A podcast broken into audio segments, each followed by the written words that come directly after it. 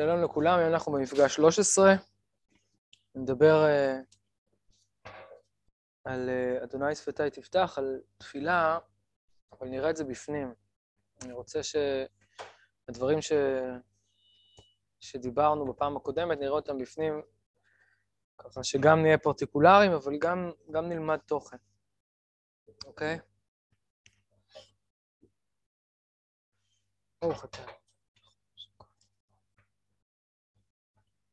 אז כמה הקדמות, אבל uh, מילה אחת על הקדמות, לפני שאני מקדים את ההקדמות. עם הזמן אני מגלה שככל שלומדים יותר פנימיות, אתה בעצם לומד יותר הקדמות. כלומר, אתה מבין שההקדמות הן העיקר, ואז אתה כל הזמן חוזר אל ההקדמה וחוזר אל ההקדמה. אז יש אינסוף הקדמות. מצד שני, אילו מקדימינן, כולי היי לא גמרינן, כלומר, אם אנחנו נקדים ונקדים ונקדים לא נלמד. אבל ההקדמה היא חלק גדול מהלימוד במובן מסוים, כמו שעיקר מיסוד, מעיקרי האמונה, או יסוד מיסודות האמונה, הוא הרבה יותר חשוב מאיזשהו פרט מהאמונה, כי הכל הולך לשם. בכל זאת אני רוצה להקדים כמה הקדמות, הקדמה אחת שהיא, אמ, שהיא תהיה רלוונטית לענייננו. ו... דבר שנורא חשוב אה, לדעת, והוא קשור לכל הספר, לא דווקא לתפילה, אני אנסה לקשר אותו גם לתפילה. החידוש המרכזי, לדעתי, בקבלה בכלל ובקבלת הראשונים בפרט, הוא התפיסה שיש פנים וממדים רבים לאלוהות. זו תפיסה, תפיסה שאנחנו לא כל כך רגילים, רגילים בה ביום-יום, וזה שהתפיסה שאלוהים הוא אחד, הוא, היא קצת מורכבת. כלומר, זה לא אחד וזהו, אלא יש לה הרבה ממדים והרבה פנים. הגילוי האלוהי הוא מורכב. יש בו צדדים שונים. צדדים של חסד ודין, צדדים של עליון ותחתון, וגם פנים שונות. כמו שכתוב בשירו של, בפיוט של רבי יהודה הלוי ליום כיפור, וכמה פנים לפנים הנראים. יש פנים שאתה רואה, יש אחוריים שאתה לא רואה, וגם לפנים שאתה רואה יש עוד פנים, ומאחוריהם עוד פנים ועוד פנים ועוד פנים. הדבר הזה יכול לעורר הרבה קשיים.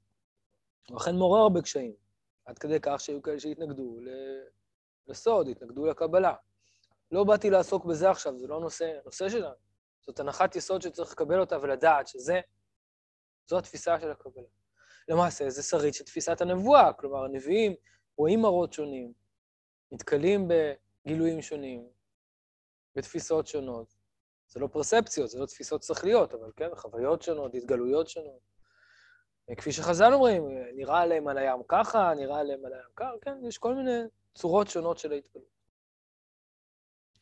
אז זו נקודה ראשונה בתוך ההקדמה. נקודה שנייה, צריך לדעת שאם ככה, אם לאלוהים יש פנים ופנים ופנים ועוד פנים ועוד אחוריים ועוד ממדים, וכל כל הדברים האלה הם חלקים מהגילוי האלוהי, או אם תרצו חלקים מהאלוהות, אז צריך קודם כל להכיר את כולם. אם אתה מדבר על להכיר את אלוהים, או ספציפית למה שאנחנו עוסקים בו כרגע במפגש הזה, להתפלל או לפגוש את אלוהים או ליצור קשר עם אלוהים בצורה כזאת או אחרת, אז צריך להכיר את כל ממדי האלוהות האלה.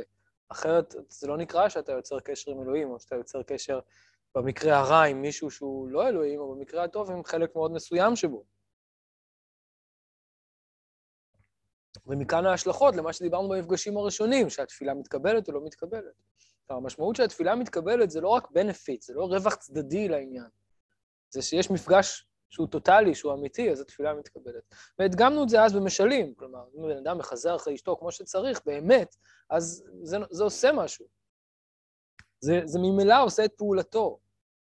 בסדר? או אם בן אדם יודע לעבוד טוב, להכשיר את עצמו, הכשרה מקצועית, הכשרה אישית וכן הלאה, אז הוא יראה שכר בפעולתו. שכר הוא לא חיצוני למפגש. כיוון שאלוהים הוא מלא קול, המפגש הטוטלי עם אלוהים, ממלא את המציאות בקוליות הזאת. נקודה. זו נקודה שנייה. נקודה שלישית בהקדמה, מה היחס בין כל הממדים האלה? ואיך זה מתחבר? איך זה מתנגד? מה גובר על מה? מה מצטרף למה? איפה אני? איפה אתה? איפה... מה? בלגן שלם. צריך סדר. צריך מערכת יחסים. זו נקודה שהקבלה עוסקת בה רבות, כל הקבלה, גם קבלת הארי, מערכות היחסים בין מימד כזה למימד אחר. וחלקים מהקבלה העיונית עוסקים בזה, שזה לא ענייננו כל כך. אנחנו כן עוסקים בזה בהקשר של ייחודים, בהקשר של תפילות, ייחודים בקבלת רבי יוסף ציגטיליה, כן? אבל אנחנו נעסוק בזה ביחסים האלה, וכבר הזכרנו את זה פה ושם. אבל חלקים אחרים בקבלה יעסקו בזה במובן התיאוסופי, במובן הפילוסופי הדתי, כן? תיאו, או דאו זה אל, אלוהי. אז התיאוסופיה של אלוהים זה שאלה, מה היחס בין העצמות לגילויים, מה היחס בין גילוי זה, גילוי אחר, וכן הלאה. יש לזה גם השלכות לתפילה, נכון, אבל בשערי רע לא עוסקים בזה. או עוסקים בזה במרומז, יש בזה דיון אצל החוקרים, אם דעתו שהאינסוף היא הכתר או לא.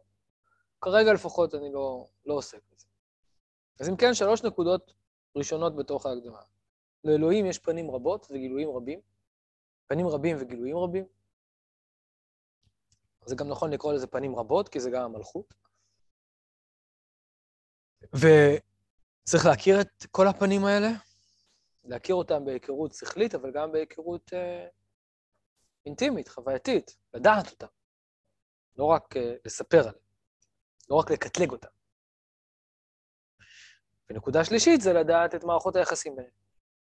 ומה העמדה שלי כלפי המערכות היחסים האלה. עד כאן שלושת הנקודות הראשונות בהקדמה, שהן יחידה אחת למעשה. אם יש שאלות, אז אפשר. שייך חוויה ברבדים עליונים.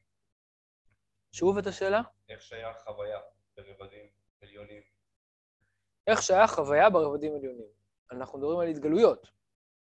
הוא מביא, כשאני אומר חוויה, זו מילה שאפשר ל, ל, לחלוק עליה, ל, לא יודע איך להגדיר את זה. לא, לא בהכרח נכנסתי למינוח המדויק של המילה חוויה, מכיוון שחוויה יש לה ויכוחים בפילוסופיה, מה הכוונה חוויה. כשאני אומר חוויה, אני מתכוון לפגישה כוללת. כשאדם נפגש עם משהו, הוא נפגש איתו הכרתית, שכלית, רגשית. כמו שאתה נפגש עם בן אדם, אתה יכול להגיד המון דברים. אתה יכול לנתח את המראה שלו, אתה יכול לנתח את האישיות שלו, אתה יכול להתרגש ממנו, אתה יכול לדבר על האסתטיקה שלו, וכן הלאה. כל, לכל המכלול הזה קראתי חוויה. זה שהפרעת מהצד השכלי והחווייתי זה לאו דווקא. לא, כן, השכלי הוא חלק מהחווייתי. כלומר, זה איזושהי חוויה מוכללת.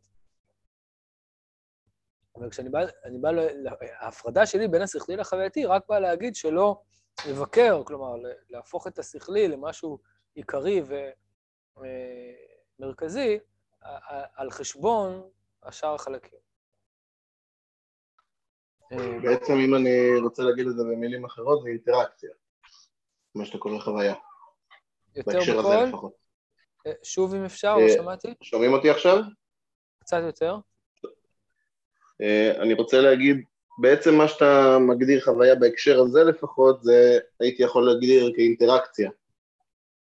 לא, כאיזשהו... אינטר... לא, אינטראקציה זה פעילות גומלין. לא, אינטראקציה זה פעילות גומלין.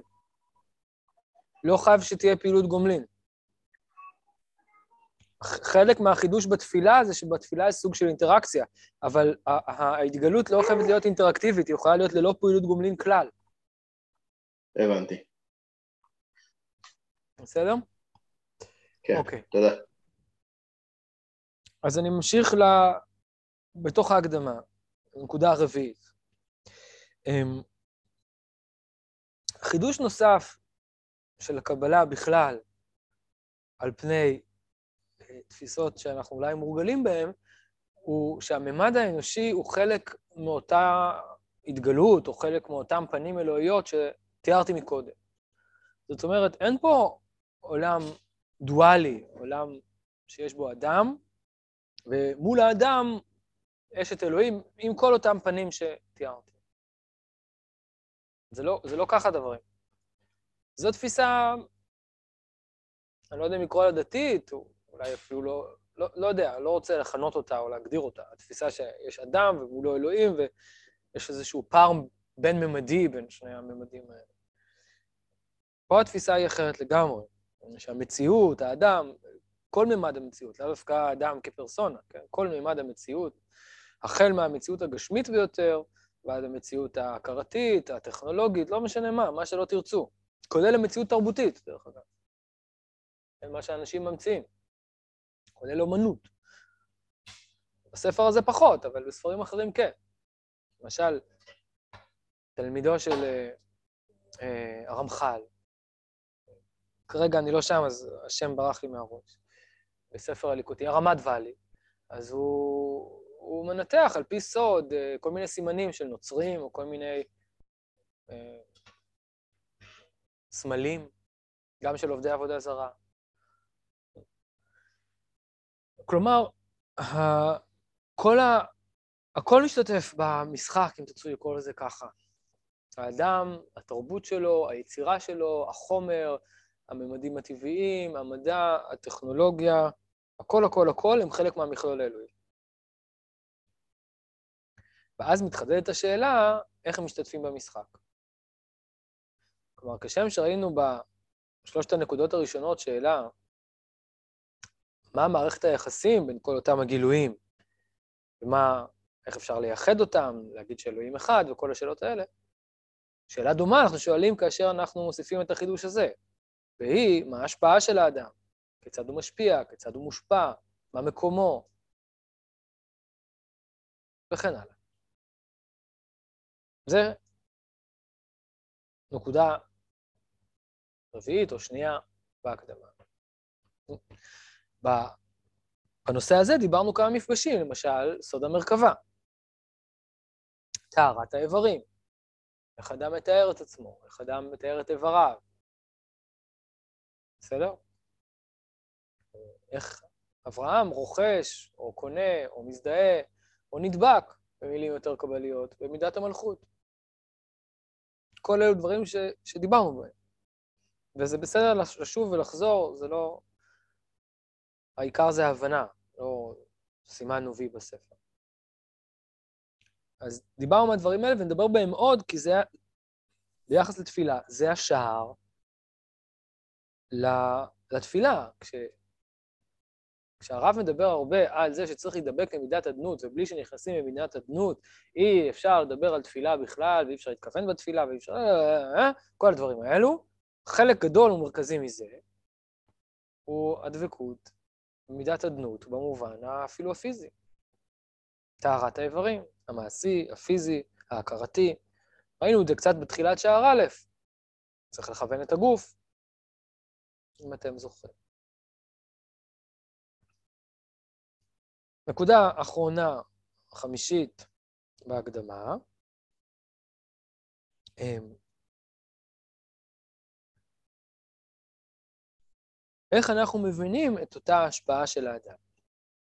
זו נקודה שרלוונטית לגבי התפילה. כלומר, תפילה, מעשים טובים, באופן כללי, כן? ספציפית לענייננו תפילה.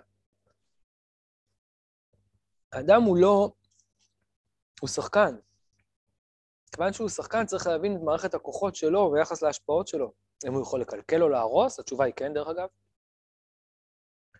למדנו בפעם הקודמת את שלושת הכינויים שעסקו בבניין, בית מקדש ואבן, כן? ומיד אחר כך הרב מדבר על כינוי שכינה, וממילא מדבר על חטא הדם הראשון ועל החורבן.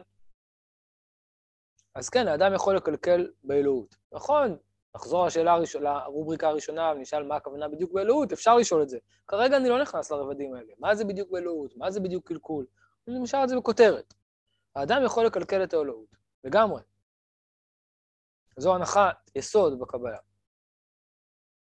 וממילא הוא יכול גם לתרום לה. יכול לשפר אותה, ולתרום לה, ולהגדיל אותה, ולשכלל אותה. כי האלוהות היא דבר דינמי. יש תנועה באלוהות, ויש תנועה באדם, יש התפתחות.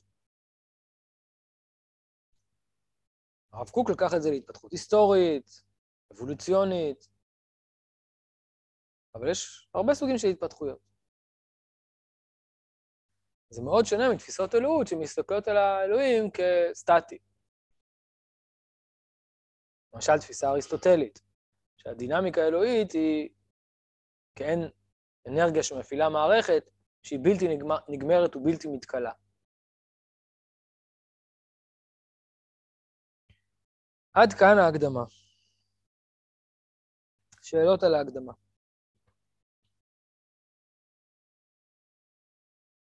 אוקיי. אז אני רוצה להיכנס קצת לעניין של תפילה. ונע ונע לשמוע את ה... מי שלא היה, לשמוע את המפגש הקודם, ולהבין שכוונות זה לא רק כוונות בתפילה, וכל מה שדיברנו על זה בפעם הקודמת, זה, זה מאוד מאוד חשוב. אני מסתמך על הדברים האלה ולא חוזר, לא חוזר אחורה אה, כדי להסביר אותם. אז מכיוון שאנחנו עוסקים עכשיו בצורה לא מסודרת בנושא התפילה, כי אין פה שער על תפילה, אז אנחנו קצת נעשה דילוגים בספר. אז מי שיש לו ספר, אז אני במהדורה החדשה בעמוד 120, מי שהמהדורה שלו היא מהדורה אחרת, אז אני בשער ה', אה, מעט לפני אה, מה שנקרא סוד השם יתברך על דרך כלל שמות הקודש. ואני קורא. ואתה בני פקח עיניך והתבונן, בכל מקום שתמצא בתורה שני שמות או שלושה מחוברים זה אצל זה. למשל, אל אלוהים הוויה, או אדוני צבאות, וכן הלאה. לאיזו כוונה הם מתחברים? ואז תבין דרכי התורה ועמקי סודותיה. אז יש פה, כפי שהסברנו, הבנה של התורה. ותהיה רצוי ומקובל לפני השם יתברך. זה בשלב הראשון, עוד לפני התפילה. אחר כך, ובדרך זה, כשתהיה מתפלל ומתחנן לפני השם, ותזכיר פסוק מן התורה בתפילתך, או מילה אחת מן התפילה שהיא רומזת דברים עליונים, יש לך להבין דרך הפסוק, או המילה שאתה מזכיר, ולהתכוון בהם ולדעת לפני מי אתה עומד, ולמי אתה מתחנן, ובאיזה ספירה אתה מכוון, ובאיזה שם אתה קורא, ואז תהיה רצוי ומקובל לפני השם יתברך ותמצא חן ושכל טוב בעיני אלוהים ואדם. נסביר.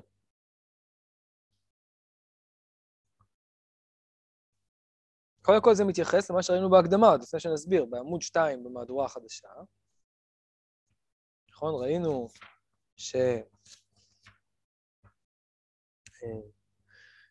גדרי האמת ומסורת הברית, כי הרוצה להשיג חפציו בעניין שמותיו יתברך, הוא שישתדל אדם בכל כוחו בתורה להשיג כוונת כל שם ושם מאותם השמות וכולי, וידע ויבין כי כל שם ושם מאלו השמות כולם, עם קדיון מפתחות לכל דבר שאדם צריך בעולם, לכל צד ועניין, ושיתבונן ושידע כוונת כל שם וכולי, יכיר וידע וכולי וכולי, ואז תהיה קרוב להשם ותהיה תפילתו מקובלת.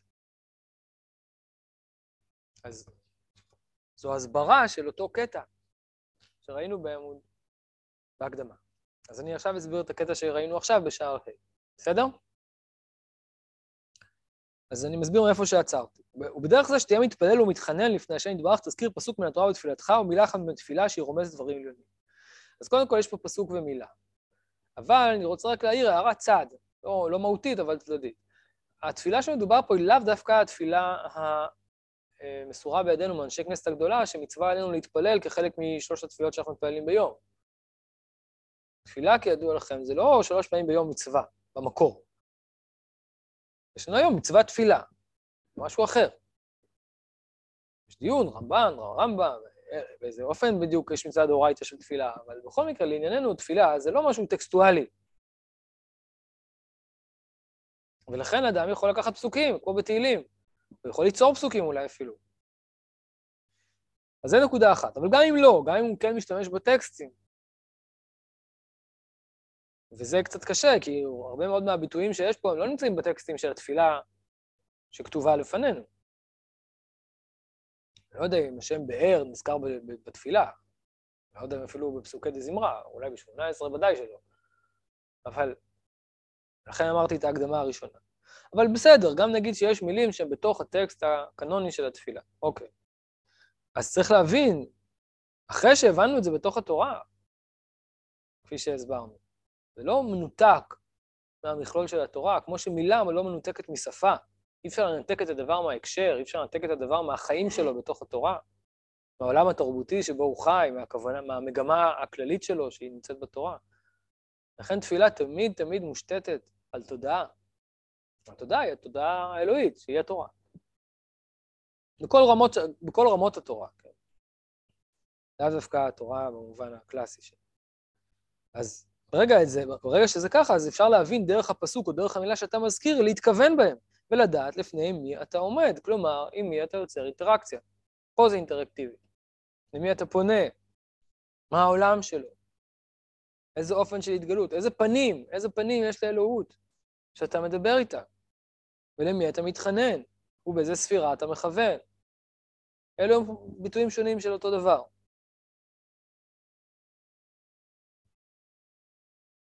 רק שעומד, זה, זה פוזיציה, מתחנן, בסדר, כן, זה רבדים שונים של אותו דבר. הולך ונהיה עמוק יותר, עומד, מתחנן, מתכוון, אבל פחות חשוב לענייננו. ובאיזה שם אתה קורא, בסוף בסוף יש את הקריאה. בסוף בסוף יש גם את האמירה.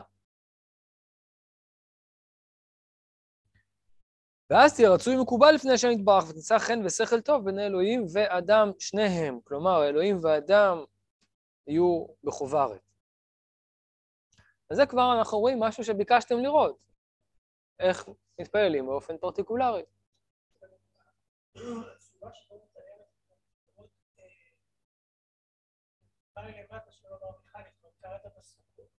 יש את הכללים של הפסוק, אז נניח שהפסוק הזה הוא לפי, לא יודע, בספירת הכתר, באופן כזה. אז תכוון לזה, אנחנו עובדים בשיטה הפוכה, שאדם יש לנו התעוררות לב, ואז הפוך, הוא מתוך התעוררות לב, אז אני אגיד לו לחפש את מידת הרחמים, או משהו כזה, שעכשיו דרכה הוא רוצה להתחבר השם, כזה ממש... ניגשת לעבודה, זה השער שלך, תיכנס ממנו, אל תנסה. איפה אתה נמצא זה לאו דווקא חשוב.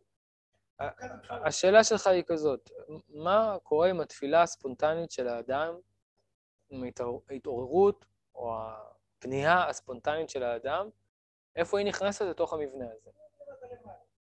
אז אתה צודק שבעולם הקבלה יש פחות התעוררות ספונטנית.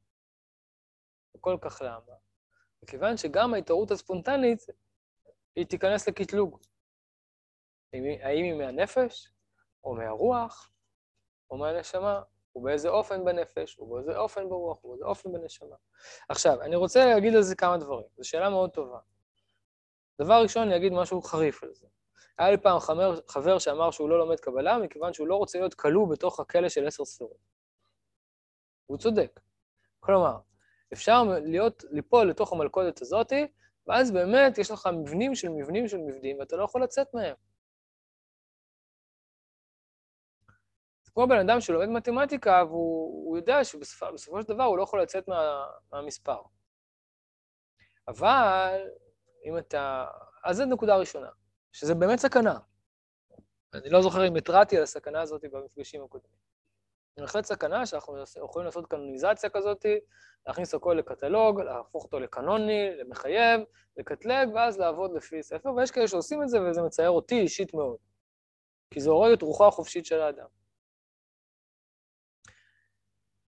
ואני חושב שזה גם הורג את, חופש, רוחו, את הרוח החופשית של הקדוש ברוך הוא.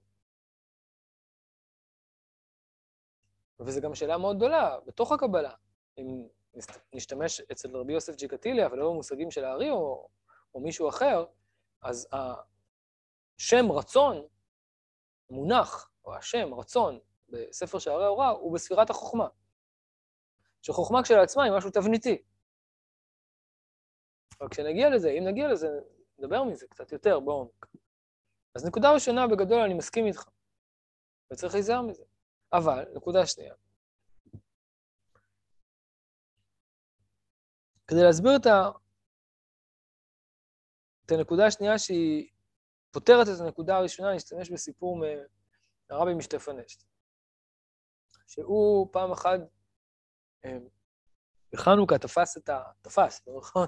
את הבחורים משחקים... אה, אני מעדיף להגיד שזה דמקה, אבל כנראה שזה היה שחמט, אבל בסדר. בואו נעשה את זה דמקה, כי זה יותר טוב לסיפור, אוקיי? אז הם נבהלו, היה להם לא נעים, והיה להם פדיחה, ומה משחקים דמקה וזה, בית מדרש, זה, ופה, טוב, בסדר. אז הוא אמר, לא, לא, אחלה משחק, מצוין, אפשר ללמוד ממנו הרבה. מה אפשר ללמוד מהדמקה? וזה שהולכים צעד אחד בכל פעם. יש חוקיות, אתה לא יכול לקפוץ. נותנים אחד בשביל לקבל אחד. יש מערכות יחסים. אבל כשמגיעים לסוף, הולכים לאן שרוצים. כלומר, כשאתה לומד מתמטיקה בהתחלה, אתה צריך את המשוואות, אתה צריך את המורה, או כל דבר, עזוב מתמטיקה, מתמטיקה רק בגלל שזה מספרים.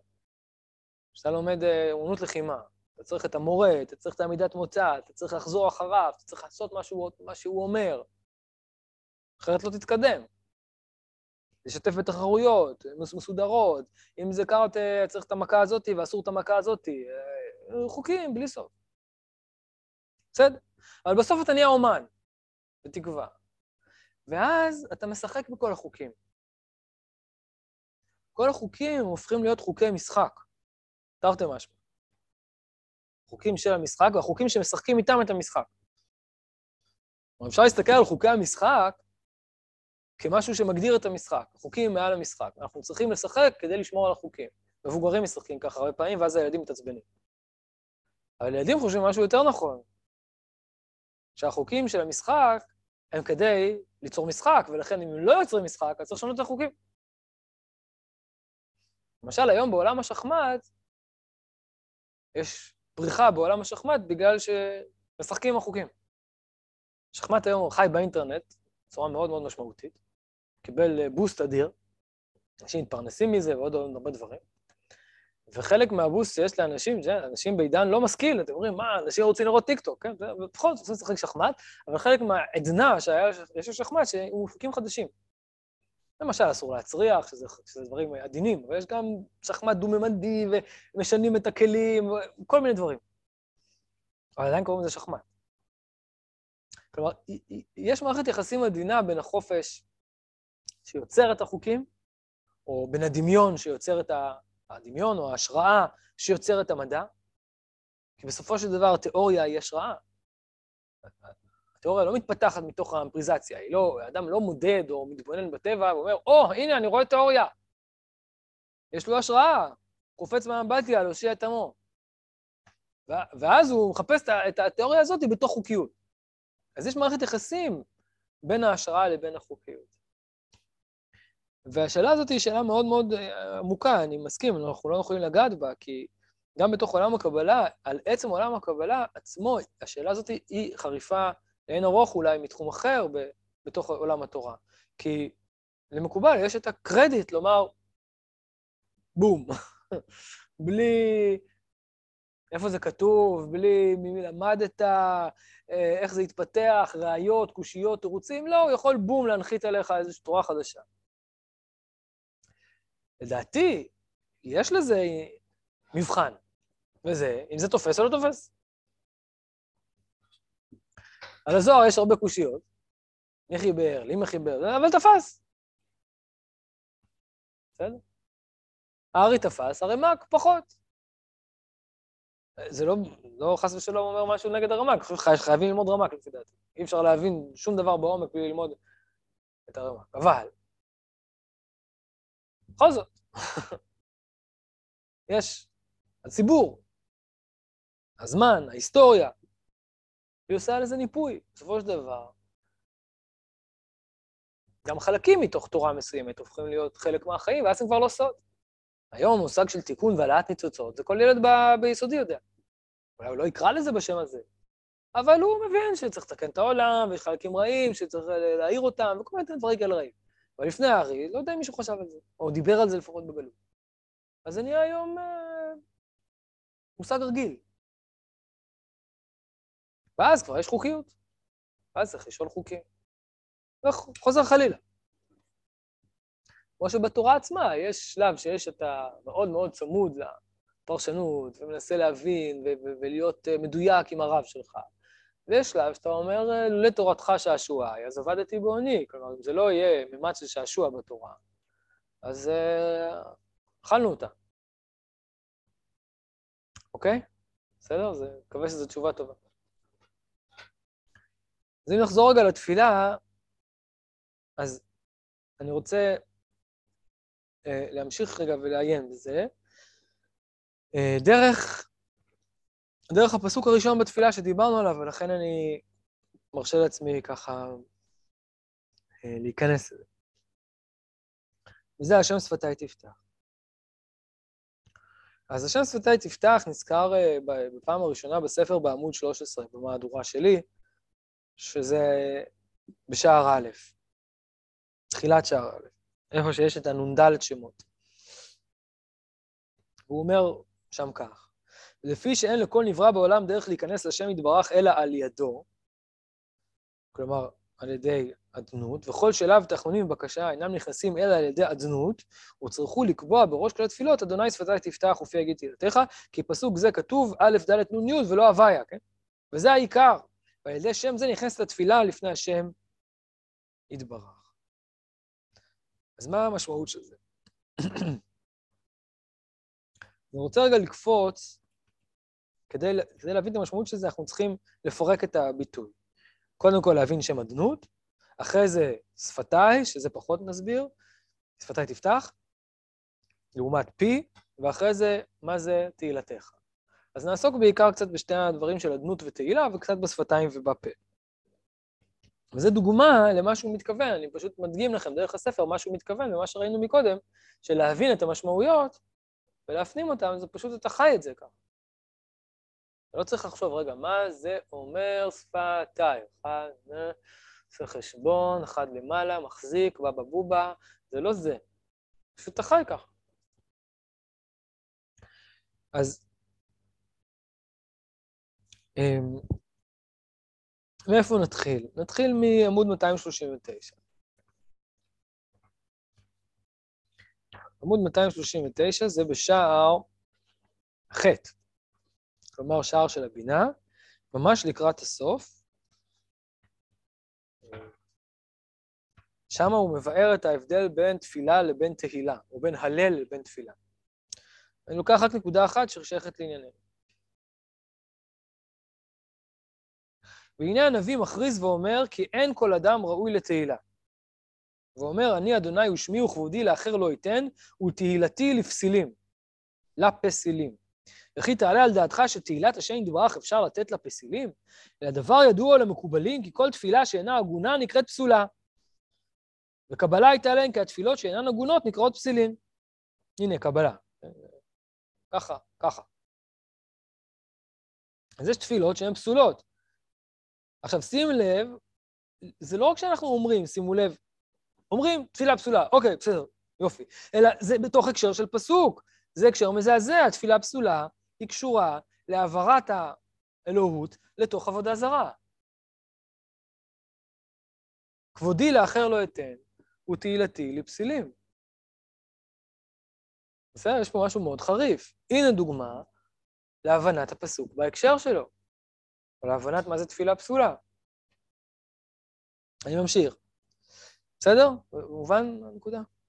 וכך הוא פירוש הפסוק. ומי שלא נכנס כהוגן, הוא מפרש, נקודותיים, הוא לא שם פה נקודותיים, אני כאילו. וכך הוא פירוש הפסוק, נקודותיים. מי שלא נכנס כהוגן לשמש בספירת המלכות, שהיא תחתונה בעת התפילה, מישהו לא עושה מה שנקרא תמונה בשימוש הוגן, כן? הוא לא משתמש כהוגן בתפילת המלכות, בספירת המלכות, בעת התפילה. איך אפשר להיכנס לפני רום המעלות, לפני ספירת הבינה לתהילה, לישרים נאווה תהילה, אבל לא לפסילים, אבן זה מאוד. זאת אומרת, אם בן אדם לא מזוהה, לא דבק, לא משמש ב... כמו שכהן צריך לשמש בבגדים מסוימים, כל המושג של שימוש, כן? לא נרחיב, ודאי המבין. אם בן אדם לא משמש בדבר, בספירת המלכות, אז הוא לא יכול להגיע לממדים עליונים יותר. אדרבה, הוא הופך את תפיסת האלוהות לתפיסת אלוהות זרה. פסולה. מה זה הממדים העליונים יותר? שזה צריך ללמוד כל שער חטא, לכן אמרתי שצריך ללמוד את כל השערים, ואז כאילו לחזור וללמוד אותם עוד פעם ועוד פעם, אבל בסדר, בגדול, הבינה מייצגת את הפנים הפונות כלפי מטה של הגימל ראשונות, של שלושת הספירות הראשונות. אם תרצו, הממד הנשמתי. אם תרצו, הממד ההכרתי, הראש. אפשר לעשות לזה עוד הרבה מקבילות.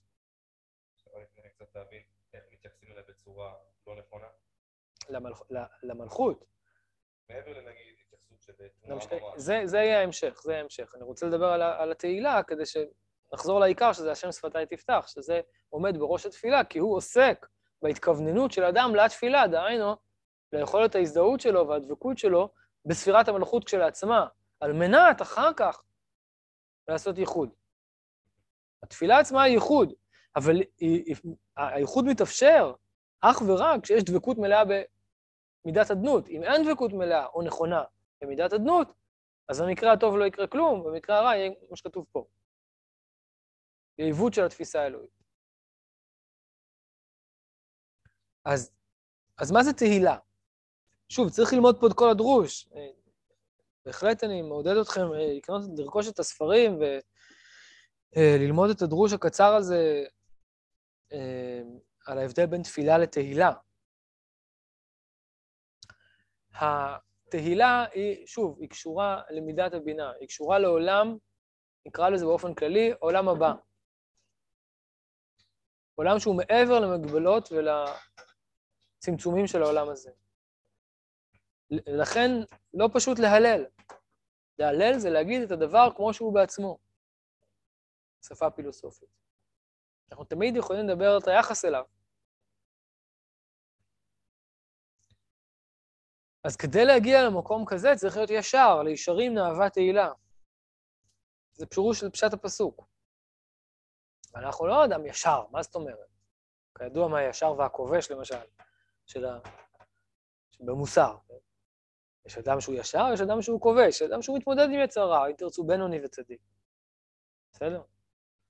אז אנחנו אנשים שאנחנו קצת מתים, נכון? כמו שהטוסות אומר, הנה, כוונות התפילה, שגאולה וחיים בברכת מחיי המתים זה החיים שלנו, שאנחנו צריכים לחיות.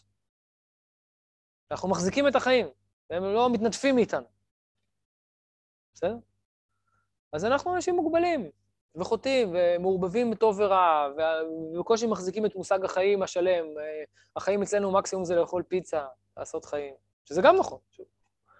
זה, זה, זה באמת חלק ממה שאמרתי בהקדמות, כן? לאכול פיצה זה חלק ממושג החיים. אבל אפשר לנתק את זה, ואפשר להפיל את זה, ואפשר ל... כל מה שדיברנו בהקדמה. כדי לא לחזור כל פעם ולהראות איך מה שדיברתי בהקדמה זה מה שאני מדבר עכשיו, אז אני עושה מדי פעם את הכישורים, אבל תנסו להחזיק את ההקדמה בתוך מה שאני אומר. אז,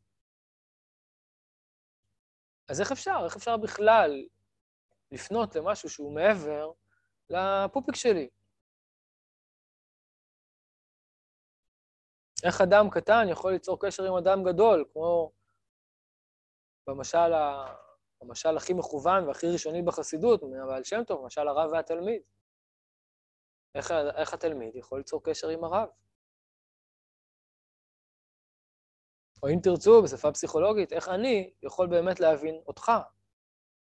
מקסימום שאני יכול להגיד זה שאני מבין את עצמי, או את מה שאני קולט ממך בתוך מערכות ההבנה שלי. זאת אומרת, יש אה, פער מאוד מאוד גדול בין ספירת המלכות ובין כל שאר הספירות. וכדי שיהיה אפשר להתעלות בתפילה, צריך לעשות עבודה מאוד גדולה עם המלכות, כדי להגיע למקומות האלה, כדי לעשות את הייחוד שמגיע עד לבינה, במובן מסוים עד לכתר, כי הכתר והבינה הם, אצל הרב פה הם כן מערכת אחת. וזה מה שראינו פעם קודמת על חנה, שהיא עשתה את זה. בסדר? אז אנחנו רואים שיש צריך לעשות עבודה גדולה עם המלכות, וזו עבודה אקוטית, חריפה, מסוכנת, או שהמלכות היא בדבקות, והיא טהורה, והיא ישרה, ולא משנה מה, והיא יכולה להתאחד, יכול להיות קשר, או שלא, ואז נהיה משהו רע. ובאופן חריף יותר, כדי להסביר לכם למה, מהי התפילה כשלעצמה, אני אקרא מספר שערי צדק. מי שיש את המהדורה שלי, זה בעמוד 22.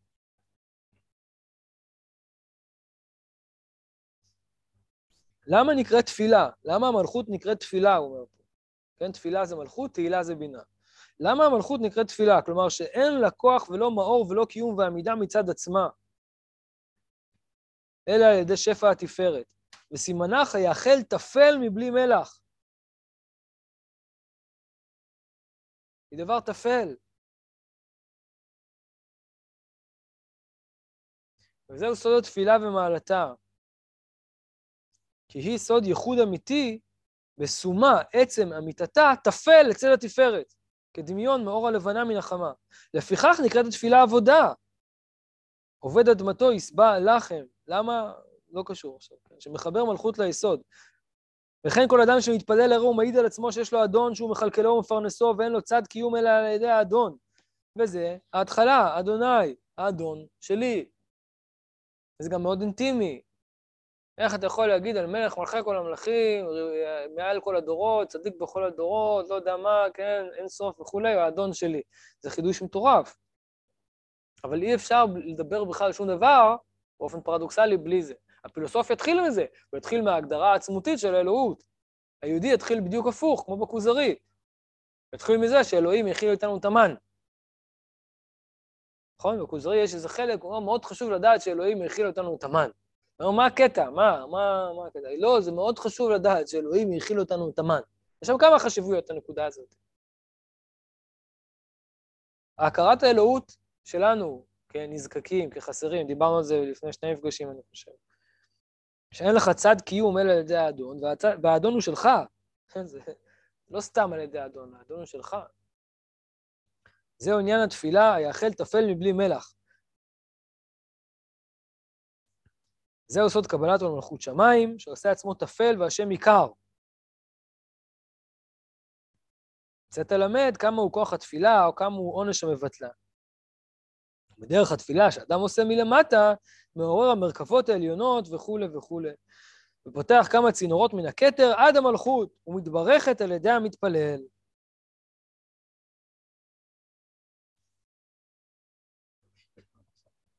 ואז אפשר להגיד גם שהקדוש ברוך הוא מתפלל, ככה הוא כותב שם בסוף. אפשר לדבר על תנועה הפוכה לחלוטין, תנועה מלמעלה למטה. אז אנחנו רואים שהעמדה הראשונה היא עמדה ריקה לחלוטין.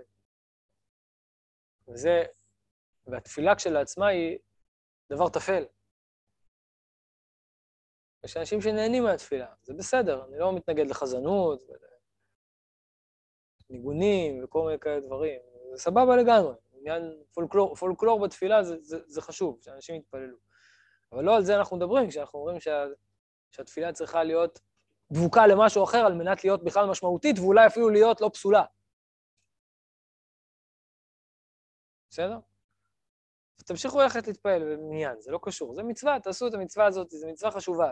יש לנו מצווה להתפלל, זה בסדר. אבל אנחנו לא מדברים פה על קיום המצווה. אוקיי? ברור הנקודה הזאת הראשונה? מה העמדה הראשונית של התפילה? התפילה נזקקת למשהו אחר על מנת להיות קיימת, על מנת לא להיות אפילו הרסנית. ונזקקת לעבודה של האדם עם הממד הזה שנקרא אדנות. נרחיב עוד רגע בעבודה. אילולא העבודה הזאת, שבה הוא פותח את שער א', כפי שקראנו את זה כבר, כן? שצריך לדעת שיש כמה זה, וצריך לעמוד, וצריך לתקן את הבגדים, וכל הדברים האלה, כן? ואם הוא נכנס לפני המלך, כמה זמן הוא יכול לעמוד, כל מה שכתוב שם. כל הדברים האלה הם חלק נורא נורא גדול בעבודה של המלכות. אז בואו נמשיך קצת. עד כאן בסדר, אם מישהו רוצה לשאול עכשיו עד שאני מדפדף, אז אפשר... אה, אז בואו נבין קצת יותר מה זה תפילה. אה,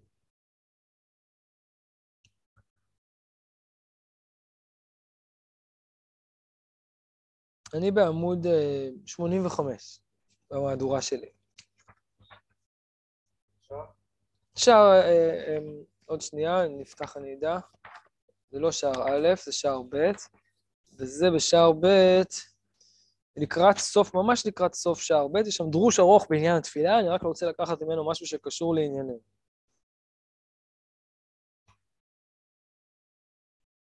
אז בן אדם מגיע, בום, הוא מנסה לפגוש איזשהו ממד שהוא מעבר לממד הפר, הפרטיקולרי, הסינגולרי, המעורבב, טוב ורע שלו, וכן הלאה. הוא רוצה ליצור קשר עם הממד הזה. דורש אמונה בכלל שהוא קיים, בסדר. אנחנו יוצאים מתוך נקודת ההנחה שהוא מאמין בזה. הוא רוצה לפגוש את הדבר הזה. או אם תרצו בשפה הפסיכולוגית, הוא רוצה לפגוש את אתה. הוא יודע מי זה אני, הוא רוצה לפגוש את האתה. ברוך אתה השם. הוא רוצה לפגוש את המושג אתה. אז הוא אומר ככה, יש לנו להודיעך כי סוד אל חי הוא סוד מקום בדיקת התפילות והבקשות. כלומר, ספירת היסוד, שהיא הספירה שמעל המלכות, היא אומרת, רגע, רגע, רגע, רגע, רגע. יש את האנרגיה הזאת של הפנייה, אתה פונה לצאת מן האני שלך אל האתה, בוא נראה רגע מי אתה. כן, דיברנו גם על זה, כל הדברים האלה דיברנו? לפני מי אתה עומד, אז צריך לבדוק מי אתה לפני שאתה אתה מדבר מי. מי אתה עומד זה לדעת הקדוש ברוך הוא, מי הוא הקדוש ברוך הוא, כן? אבל גם יש אתה, מי אתה עומד. אז קודם כל בודקים מי אתה. אבל זה דבר שמתרחש באופן טבעי. כל בן אדם שנפגש עם מישהו שהוא בפער ממנו, מיד הפער הזה מורגש. אם אתה הולך לדבר עם פרופסור, ואתה טירון, נניח שאתה באותו גיל וזה, לא רואים שאתה סטודנט, לא משנה, כן? אין איזה חזות חיצונית. שמראש כבר עושה את הרושם הראשוני ומנפה אותך, כן? אז, אז ב, ב, בשני מילים הראשונות אתה, הוא, הוא יודע כבר איפה אתה נמצא. הוא אומר לך, עזוב, תלך אליו. בטוב, כן? לא, לא, אתה, אתה צריך קודם ללמוד קצת, קצת, תקרא קצת מאמרים. כלומר, הבדיקה היא לא איזשהו משהו, אה, נקרא לזה אכזרי, או לא יודע, סלקטור, סתם כזה, מועדון נבחר, אלא אנחנו רוצים להיות קשורים למשהו שהוא מעבר לגבולות האני שלנו, או אפילו, אם תרצו, מעבר לגבולות השפה שלנו. אנחנו רוצים לקרוא בשם שלא נקרא, אנחנו רוצים, או אם תרצו, לקשור את הנפש לרוח. אפשר, הכל אותו דבר, הכל זה ממדים שונים של אותו דבר, בסדר?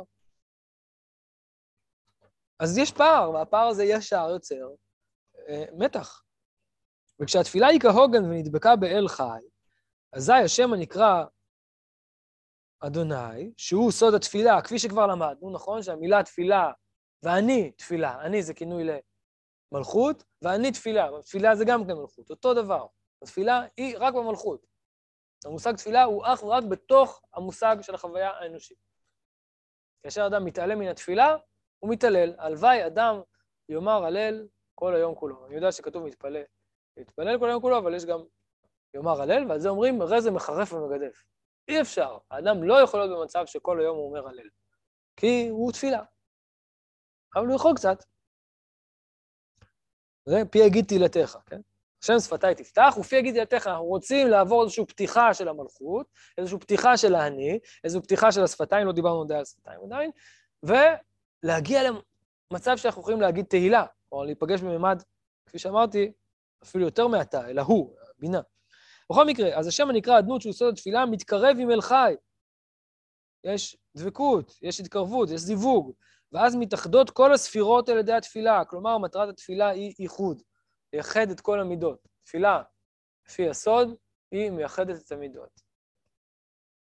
ולמה היא עושה את זה? מכיוון שכפי שהסברנו בהקדמה, שגם האדם הוא חלק מהמרחב האלוהי, אם הוא מצליח להתאים את עצמו לפאזל הזה, במחשבה, דיבור ומעשה וכל מה שהוא צריך להתאים, להתאים את עצמו, בום, יש פאזל שלם, יש ייחוד של כל הספירות, יש תמונה שלמה, האלוהות היא שלמה. וזה, הדרוש הזה מבואר בדיוק איפה שעצרנו על סדר הלימוד. אחרי בית המקדש יש שכינה, ומיד אחרי השכינה יש דרוש נפילת המלכות בחטא אדם הראשון. עכשיו, המלכות הייתה למטה, ואז הכל היה בסבבה, אבל אדם הראשון חטא והדברים התערבבו, ולא לא סבבה. אוקיי? אז כשאדם מציב את עצמו במקום הנכון, דיברנו על כל מיני סוגים של הצוות, אם אתם זוכרים, שיקוף, דבקות, אה, דיברנו על הרבה סוגים, אז הפאזל הזה שלם, הדמות הזאת היא שלמה, והאלוהות היא מתגלה באופן שלם, ואז מתאחדות כל הספירות על ידי התפילה. וכשמתדבקת התפילה באל חי, הרי היא נכנסת בכל החדרים עד מקום הבינה. ומן הבינה מתדבקת בחוכמה הנקראת רצון. יש פה תהליך של עלייה ודבקות. לפיכך אנחנו רואים בראש התפילה, אדוני שפתי תפתח, שהוא השער להיכנס. ובסוף התפילה אנחנו רואים, יהיו לו רצון אמרי פי. כלומר, מה שאני דיברתי, שהוא הפה שלי, ופי יגיד תלעדיך, כן? זה עבר כבר מטמורפוזה, זה לא רק שפתיים, זה כבר הפה. מכלול יותר גדול, באופן כללי. שפתיים זה הסוגר של הפה. כן? נשיקות שונא. השפתיים הם החלק הסוגר של הפה. השפה, כמו שפת הבריכה, היא הגבול. אנחנו רוצים פתיחה של השפתיים, כדי שנוכל לה... להגיד בפה מלא, למשל הביטוי, הביטוי הלשוני הזה, בפה מלא. זה מלאות של ההבעה האנושית, להגיד את התהילה. זה מה שהוא אומר, שבסופו של דבר, השפתיים הופכות לפה, אבל אז הן הופכות להיות יהיו לרצון, כלומר, הן הופכות להיות הרצון האלוהי ממש. שהדיבורים שלי הם בעצם יהיו הרצון שלך. יהיו לרצון, וזה הסוף של התפילה, יהיו לרצון עם רפי, לפי שהרצון הוא סוף המעלות ממטה למעלה, כלומר, החוכמה, אם תרצו הכתר, והוא סוד י' של שם המיוחד הנקרא רצון. ומן הרצון שהוא י' עולה בקוצו של י' העליון ומדבקת בכתר העליון הנקרא אינסוף. נמצאת ללמד כי התפילה מסודרת על, שם, על השם הגדול יתברך. כלומר, על שם הוויה.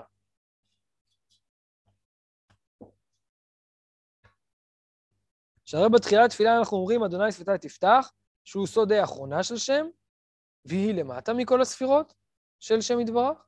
ובסוף התפילה אנחנו אומרים, יהיו לו רצון אומרי פי, שהוא סודות י' של שם, שהוא סוף כל המעלות ממטה למטה. אז התפילה בגדול היא ייחוד המידות. והסברנו גם למה צריך ש... איך, איך עושים שיהיה הייחוד הזה. לא עד הסוף הסברנו איך מתחברים עם המלכות, אבל את המבנה הסברנו, אז לפני שנדבר קצת חופשי יותר, ככה, בחמש דקות האחרונות, יש הזדמנות לשאול שאלות אם רוצים.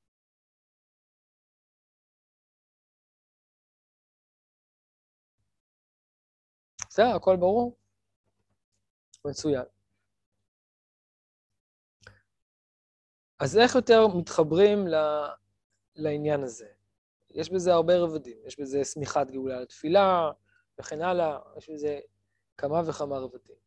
עיקר, עיקר העניין של זה, זה מה שהוא קורא טהרת האיברים, שראינו בהקדמה. כלומר, שהאדם יהיה מרכבה. חלק מטהרת האיברים נעשה בחיים, הוא לא נעשה בתפילה עצמה. כלומר, אם בן אדם חווה את עצמו, מרגיש את עצמו כאיזה סוג של משכן, או תעתיק, או היטל של איזושהי מציאות עליונה, אז הוא משתדל לא לשבור. נכון?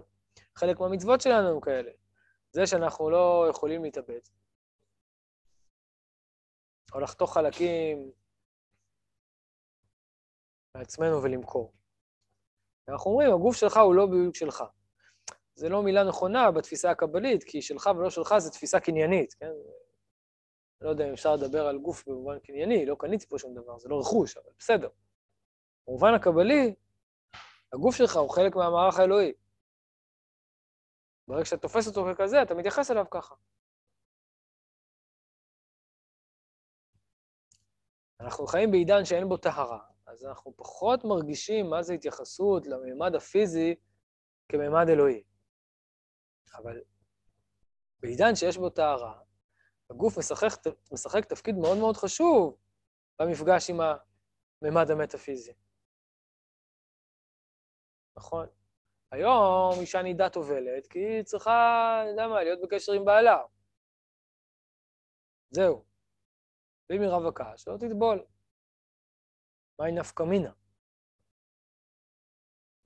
אבל בזמן שבית המקדש היה קיים, שיבנה במהרה בימינו, אז אישה נידה טובלת כי היא רוצה לראות את הקודש, היא רוצה לאכול תרומה, היא רוצה להקריב קורבן תודה, היא רוצה לעלות לרגל. Whatever, לא משנה, רוצה לשמוע את הלווים, אוהבת את המוזיקה, זה, זה לא כל כך משנה, כאילו, מה, מה בא לה. זה משנה שהקונספט שלה הוא קונספט כזה. והיא עושה פעולה פיזית.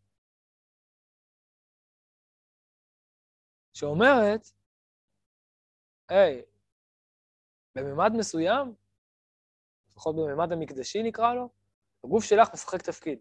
או שלך, כן? זה גם גבר. זה אז היום אנחנו פחות חשים את זה. אבל כן, זה קיים. לפי זה תראו הלכות צניעות. אם אנחנו אומרים הלכות צניעות בממד של פשט, אנחנו אומרים, טוב, שלא יהיה התעוררות היצר הרע וכולי, בסדר. אבל אם אנחנו רואים הלכות צניעות בממד של סוד, אנחנו אומרים, רגע, כי כמו שמכסים את הפרוכת, את, הכפור, את הכפורת והפרוכת מכסה על הבדים, והבדים בולטים כמו דדי אישה, שזה מאוד אירוטי, אבל סבבה, זה חלק מהלכות צניעות. אפשר לשים אירוטיקה במשכן, כי זה בסדר, שם זה בסדר. אז הצניעות שלנו היא חלק מהמשחק הזה. זה לא דבר שונה. זה מיקרוקוסמוס, זה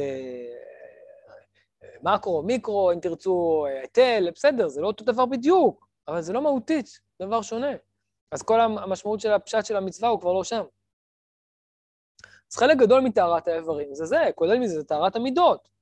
דיברנו הרבה על גוף, אבל גם טהרת המידות, כלומר חסד וגבורה וכל הדברים האלה.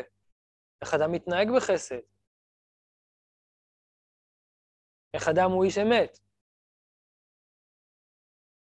כל הדברים האלה, אדם שהוא בא לתפילה, הוא בא לתפילה. הוא לא עושה אופרציה שמנותקת מזה, מהזהות שלו. דע לפני מי אתה עומד. אם אתה בן אדם לא ישר, אם אתה בן אדם עקום, אז התפילה שלך תהיה עקומה.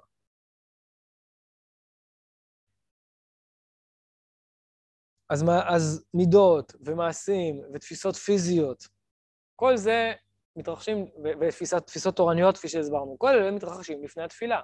אחר כך, בתוך התפילה, יש גם פסוקי דה זמרה, שהם כנגד מידת מלכות, לא קראתי את החלק הזה. אולי כן, ואני לא זוכר. יש זמיר עריצים, כלומר, יש תהליך, פסוקי דה זמרה, שבו אתה עובר איזשהו משהו שאמור לגרום לך להתבונן, תלוי באיזה מהירות אתה אומר אותו, ועל ידי זה אתה כבר בפוזיציה אחרת. דוגמה לדבר, סליחה אם הדוגמה היא קצת אה, מביכה, אבל זה מה שעולה לי בראש בגלל, הענייני, בגלל המקצוע שלי קצת. כשאדם מתקרב לאשתו, יכול להיות שהוא אוהב אותה והוא סבבה איתה, וכל הרבדים שאמרתי מקודם, הכל טוב. אבל יש דרך להתקרב. בזמן ההתקרבות.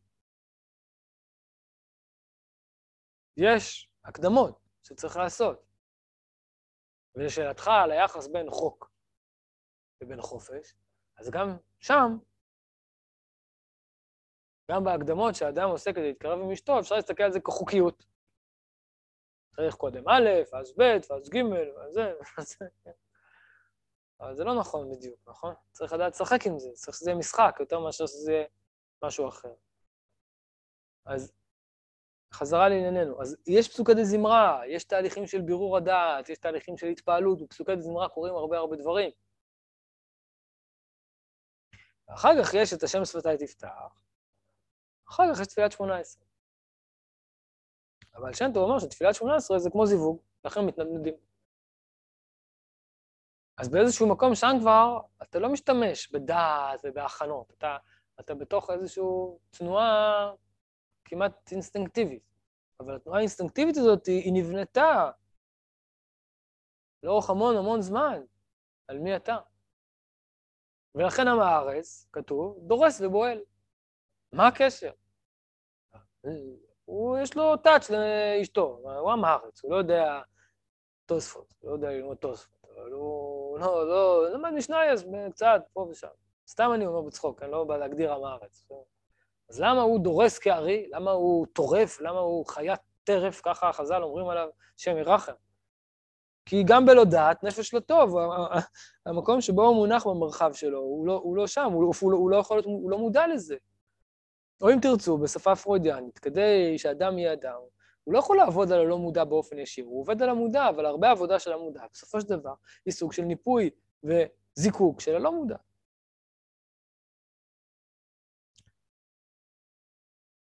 אז זה קצת יותר תשובה לשאלתך. אני אומר, יש הרבה מה להעריך בזה, ואיך להיות מרכבה, וכולי וכולי וכולי. נכון, זה לא, לא כל כך, לא יכול לעבור על כל הפרקים שבספר, אבל בקצת ש... אה, בקצת שראינו, ויש לזה המון המון המון אה, השלכות במקבילות, למשל. בשפה הליברלית, אה, האחר הוא אני, נכון? ככה אוהבים לומר, האחר הוא אני. הם נוגעים פה במשהו אמיתי, שאתה, הוא יכול להתגלות בתוך האני. יש לנו שלושה ממדים, אני, אתה והוא. אני זה הממד של המלכות, אתה זה הממד של התפארת על כל, ה, על כל הספירות שמקיפות אותה, והוא זה הממד של הגימל הראשונות. אבל צריך לייחד את כולם. כלומר, שהתודעה תהיה תודעה שמכילה את האני, את האתה ואת האחר הבלתי נודע, את ההוא. זה דבר, דבר עמוק מאוד לתפוס את זה. שיש חלקים בזהות שלך שהם מתקיימים אצל מישהו אחר, ויש חלקים אצל מישהו אחר שהם לא נודעים, שהם מתקיימים אצלך. אתם לא כל כך מבינים מה אני אומר, אני רואה. אפשר להסתכל על הקיום של האדם כפרט, אבל אפשר להסתכל עליו כרשת היסטורית, תודעתית, וזה נקרא גלגולים. אפשר להגיד שהתודעה של דביר היא אצלך, היא שמה, בתוך ה... לא יודע כמה ההיקף של הראש שלך, נגיד 20 אה, רדיוס, לא יודע, של. שם התודעה שלך נמצאת. זה, זה קשקוש הרי. תודעה זה לא בתוך uh, מוח. תודעה זה משהו רחב. הוא מושפע ומשפיע. ולכן תודעה יכולה להיות כמו רשת, כמו אינטרנט, היא לא נמצאת בשום מקום. היא נמצאת אצלי כמו שהיא נמצאת אצלך. אתה לא מרגיש אותה אצלי באופן ישיר, אבל כן, היא נמצאת גם אצלי. ולכן תודעה היא כמו רשת, מקיפה הרבה אנשים, וזה רק בממד הזמן הנוכחי. מה תגידו על רשת שהיא גם בממדי זמן של עבר, הווה ועתיד? כי תודעה אין לה זמן. ואז אפשר לדבר על גלגולים ולהבין מה זה. בואו נדבר על תודעות משותפות. כלומר, אפשר להסתכל על כל, שלושת, על כל האנשים שיושבים בחדר ולהגיד, יש לנו תודעה, כולנו דוסים כאלו מסוג מסוים. אפשר להסתכל על זה ככה, כתודעה משותפת. דבר שגם קורה בפועל, נכון? כמו אצל uh, תופעות העדר שאנחנו יודעים לחקור בפסיכולוגיה? שאנשים מתנהגים כאילו כתודעה אחת, כמו שקורה להרבה. הם מתנהגים כגוף אחד, מכיל אחד. מחקרי הנחילים, זה דבר נורא מעניין. כאילו אין להם תודעה פרטית. אז כל הדברים האלה הם ממדים שאפשר להיפתח אליהם. ואז היחס לאחר הוא שונה קצת, והיחס לאני בתוך האחר הוא שונה קצת. הדו-שיח הוא שונה, וכן הלאה. או אם תרצו, היחס בין נפש לרוח לנשמה. אנחנו מאוד מאוד מרגישים את הנפש, כי היא זזה, היא מנפישה, היא עושה אנימציה, היא מאוד מאוד מאוד... אבל הרוח שהיא עולה ויורדת, פחות מרגישים. איך קושרים אותה, איך מחברים אותך, איך מייחדים אותה. צריך להיפתח על הממדים האלה. אני לא אגיד לכם שאני שם, שאני כאילו אומר לכם, יאללה, חבר'ה, קדימה, ת, ת, תזוזו, תזוזו, תזוזו. אבל, אבל אני חושב שעצם המחשבה על זה, והחיפוש של זה, והזיהוי של זה, והלימוד מתוך, ה, מתוך הפרספקטיבה הזאת, הוא כל הזמן, כל הזמן, כל הזמן פותח טווחים. ויש עוד הרבה מה להעריך, אבל אנחנו נסיים פה להיום. תודה רבה.